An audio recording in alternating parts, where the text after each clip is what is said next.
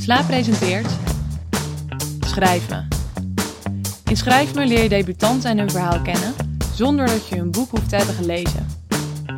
Schrijvers van de nieuwste lichting schrijven een persoonlijke brief aan een personage uit hun debuutroman en praten met Maurits de Bruin over hun verhaal en hun toekomstplannen. In seizoen 2 luister je naar de brieven van Tatjana Amouli, Marion Bruinenberg, Sarah Neutkes en Shula Tas. Dit programma is live opgenomen in Canvas.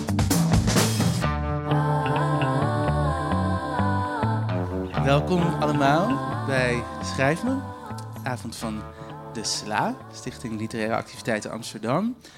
Ik ben Maurits de Bruin en vanavond staan er vier debutanten centraal, die hier op de eerste rij zitten. Marion Bruinenberg, Sheila Tas, Sarah Neutkens en Tatjana Omouli. Ik ga ehm, vanavond met hen alle vier in gesprek. Zij hebben alle vier van Sla de opdracht gekregen om een brief te schrijven aan een uh, personage uit hun debuut. En nou ja, zoals gezegd gaan we dan ook over die, over die brief praten. En die brief is eigenlijk de manier waarop jullie die boeken leren kennen, als jullie die nog niet gelezen hebben. De derde schrijver die ik ga aankondigen is Tatjana Amouli. Zij werkt als fotograaf en journalist. Eigenlijk uh, speelt Tatjana een beetje vals vanavond, want die, heeft al eens, uh, die is al eens gedebuteerd met een boek. Uh, Knap voor een dik meisje, dat verscheen in 2019.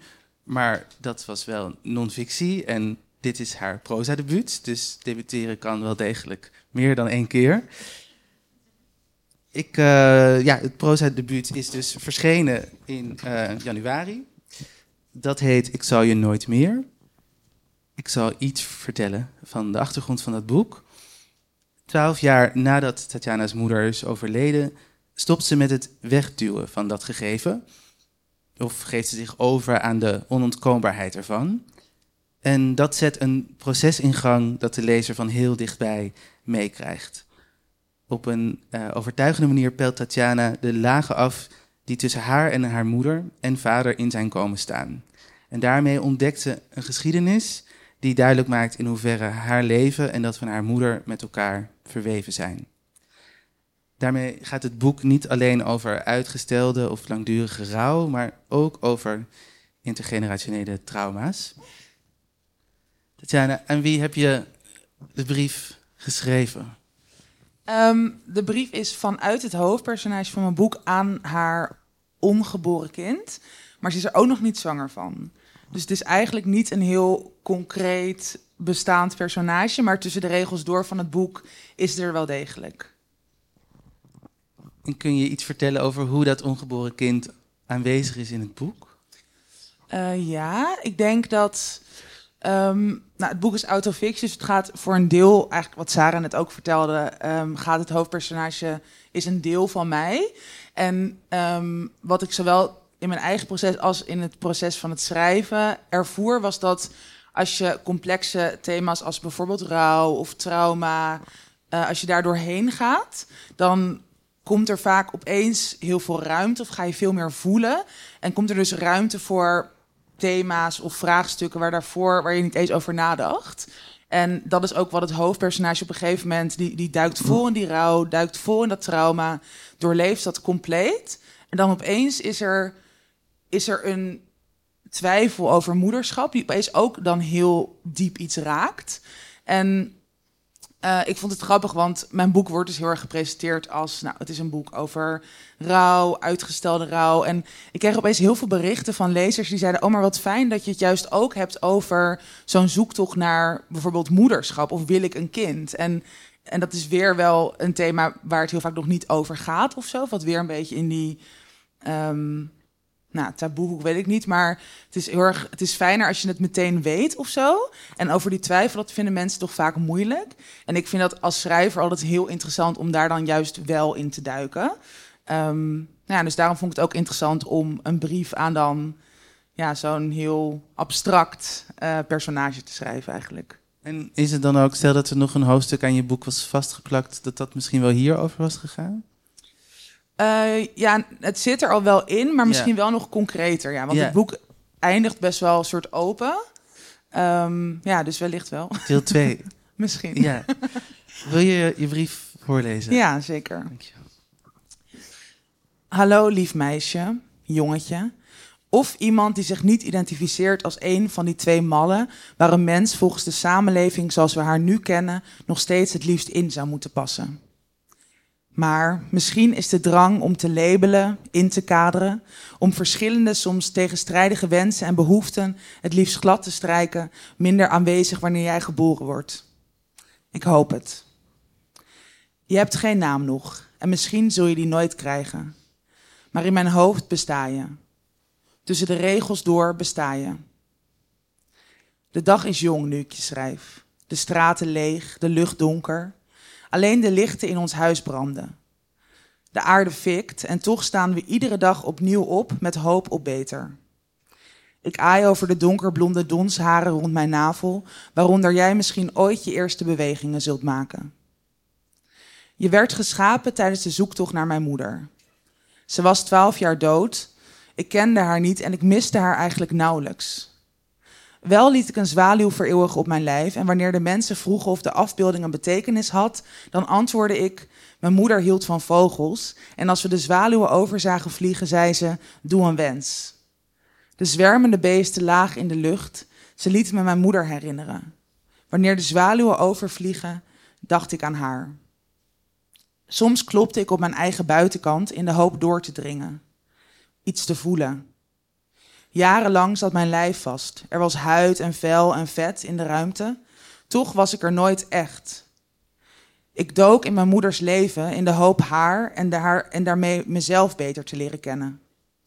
En toen ik haar zocht en vond in de verhalen van anderen, haar eigen woorden las in de dagboeken die bewaard waren gebleven, toen sijpelde er zoveel leven door die betonlaag heen. Tranen en hoop, zachtheid, vreugde, de woede en de onmacht, toekomst en bestaansdrift. Het trilde, het trok, het vloeide, het knalde, het bewoog. En ineens, ineens begon ook het fantaseren over mijn eigen moederschap, over mijn eigen kind, over jou. Hoe zou je zijn? Ik stel mezelf geregeld de vraag, heel stil, van binnen. Naar buiten toe is te broos, te groot, te eng.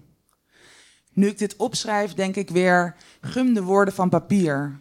Wist de vraag uit mijn gedachten. Het verlangen uit mijn lijf. Maar ze is er. Jij bent er. Je fysiek dringt zich aan me op. Ik zie je voor me met precies dezelfde warme wangen als ik heb. Met van die stekelig gesprongen rode adertjes. Net spinnetjes, krioelend door elkaar heen. Dezelfde sproeten en blauw doorlopen polsen als mijn moeder. Jouw oma. Je zult haar nooit ontmoeten. Haar geur zul je nooit kennen. Maar het verdriet om haar, dat zul je voelen. Sorry vast daarvoor. Dezelfde zwarte krullen als mijn vader, gaaf en compact. Niet warrig en pluizig als mijn eigen haar. Dezelfde frons rond je voorhoofd en die grove wenkbrauwen als jouw vader. Maar belangrijker, hoe zou je zijn? Koppig en fier of zoekend en bedachtzaam? Zou de wereld je opsloppen, slokken of zou je haar uitspugen? Zou de angst zich in elke vezel van je bestaan vastketenen of zou je onvermoeibaar zijn, onoverwinnelijk? Zou je hard zijn of gevoelig?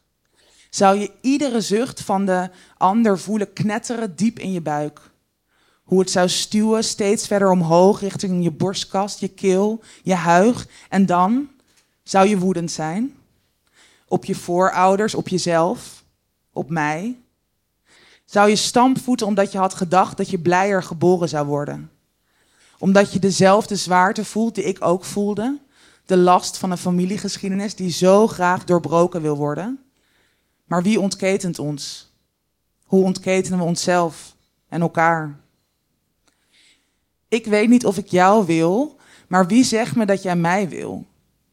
Een vrouw en misschien later jouw moeder, die het zo vaak niet weet nog. Hoe te voelen en te delen, hoe ruimte in te nemen, hoe te rouwen en hoe te vieren. Hoe tevreden te zijn. Hoe genoeg te zijn. Of je nu geboren wordt of niet, ik wil dat je weet dat je genoeg bent. wie je ook zult zijn of zult worden. Misschien tot ziens hier in de wereld, kind, waar de zwaluwen nog steeds overvliegen. Al zie ik ze nooit, ik weet dat ze er zijn. Het is de moeite waard vaak, dit bestaan. Ondanks het getrek en het gestuw is het de moeite waard. Het is, het is een leven.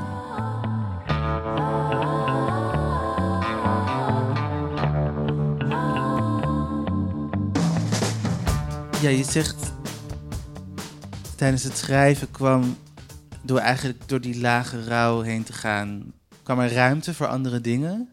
Ja. Toch? En ook die kinderwens. Ja.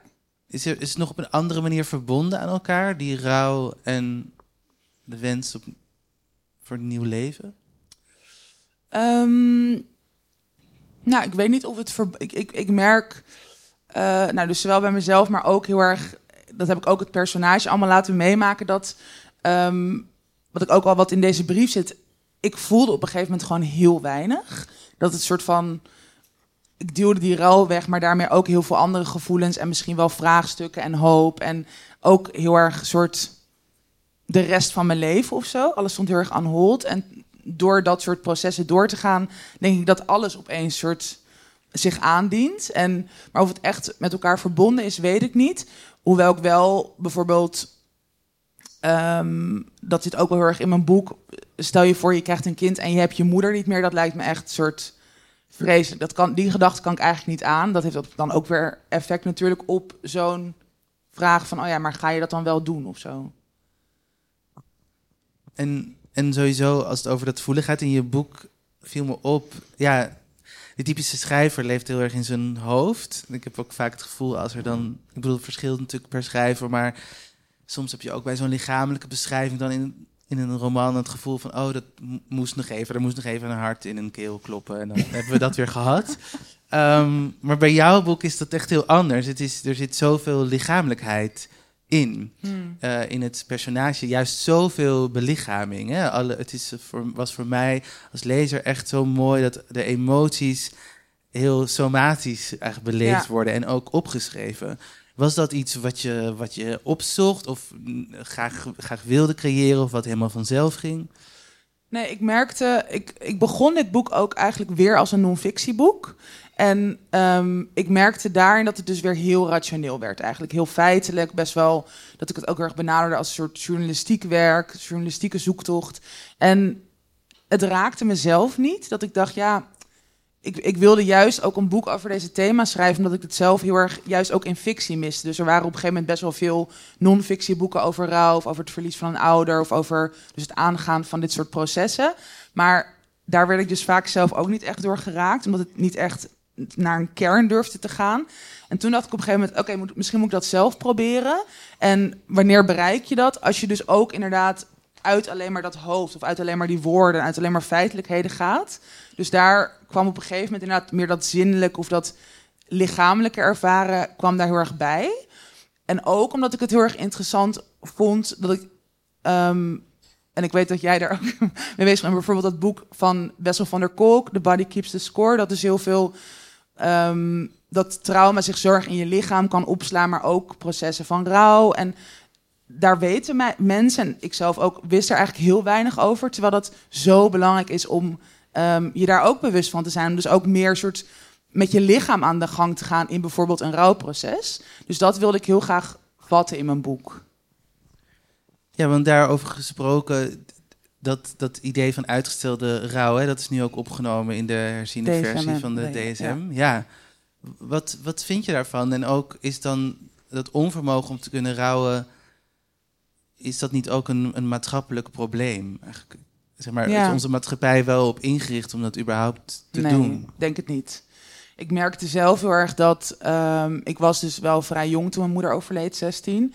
En dat... Kijk, bij mez- ik was, het was ook mijn karakter. Het was ook wat ik qua opvoeding mee had gekregen. Maar heel erg soort... Je moet sterk zijn, je moet doorgaan. Maar dat zit natuurlijk ook heel erg in onze soort... Het neoliberale systeem van onze samenleving. eh, eh, ja, eh, hoe zeg je dat? Geïmplementeerd eigenlijk van... Alle, het gaat altijd om prestatie zijn. Gaat altijd om een soort van... ehm, groter, meer, beter. eh, en, en dus heel erg dat soort van schouders eronder en doorgaan. En voor rouw moet je naar binnen en daar is stilstand voor nodig. En dus die connectie met je lichaam en niet bezig zijn met, oh ja, maar uh, ik moet mijn deadline halen of ik moet, weet je wel, een betere baan of dat. Dat is weer heel erg vanuit je hoofd eigenlijk of vanuit soort van wat er van je verwacht wordt. Dus ik denk in die zin dat het heel fijn is dat iets als uitgestelde rouw nu ook meer erkend wordt van, oh ja, dit is wel iets, ja, waar we moeten, waar, ja, wat we eigenlijk moeten proberen um, te doorbreken. En ik denk dat dat kan als er dus inderdaad meer ruimte voor rouwen is. Of ja, nogmaals, ik vind bijvoorbeeld voor iets als een trauma aangaan is voor mij bijna hetzelfde. Want ja, nogmaals, stilstand is daarvoor nodig en naar binnen keren. En ja, daarmee moet je echt iets anders doen dan wat vanuit de maatschappij je eigenlijk geleerd wordt. En dat heb jij dan tegen de maatschappij in met je boek ook wel gedaan? Of heeft is het boek daar ook de houvast in geweest? Om eigenlijk dat proces aan, te, gaan? Zeker, ja. Dus dat vind ik ook bijna stom. Dat ik dat niet helemaal vanuit mezelf. Dat ik dacht, nou, ik ga dit nu helemaal aan. Maar dat ik daar dan toch. Voor mij was een boek heel fijn om gewoon. Echt ruimte te maken in mijn agenda. Weet je, dus gewoon heel letterlijk van oké, ik ga hier nu gewoon een jaar of twee jaar voor nemen. En dan, ga ik, dan zie ik wel wat er soort van los komt. En dat nou, bij mij, door te schrijven, kwam er dus inderdaad heel veel los. En kwam ik alsnog in die rouw terecht, twaalf jaar later. Um, en dat zal natuurlijk, ja, niet iedereen kan zich dat ook permitteren. Maar uh, ik hoop, dat wil ik wel met mijn boek ook meegeven van probeer wel voor jezelf dat soort dingen wel aan te gaan, daar wel tijd voor vrij te maken, want het kan je denk ik heel veel brengen. En um, ja, dat is, dat is volgens mij heel belangrijk. Ja, en je hebt dus eigenlijk een soort loophole gevonden in het neoliberalistische systeem. Schrijf allemaal een boek en dan Precies. komt het goed. Maar heel mooi. Ik hoop ook dat je boek dat... En volgens mij doet het dat ook al aan veel mm. mensen duidelijk maakt. Dankjewel, ja, Ja.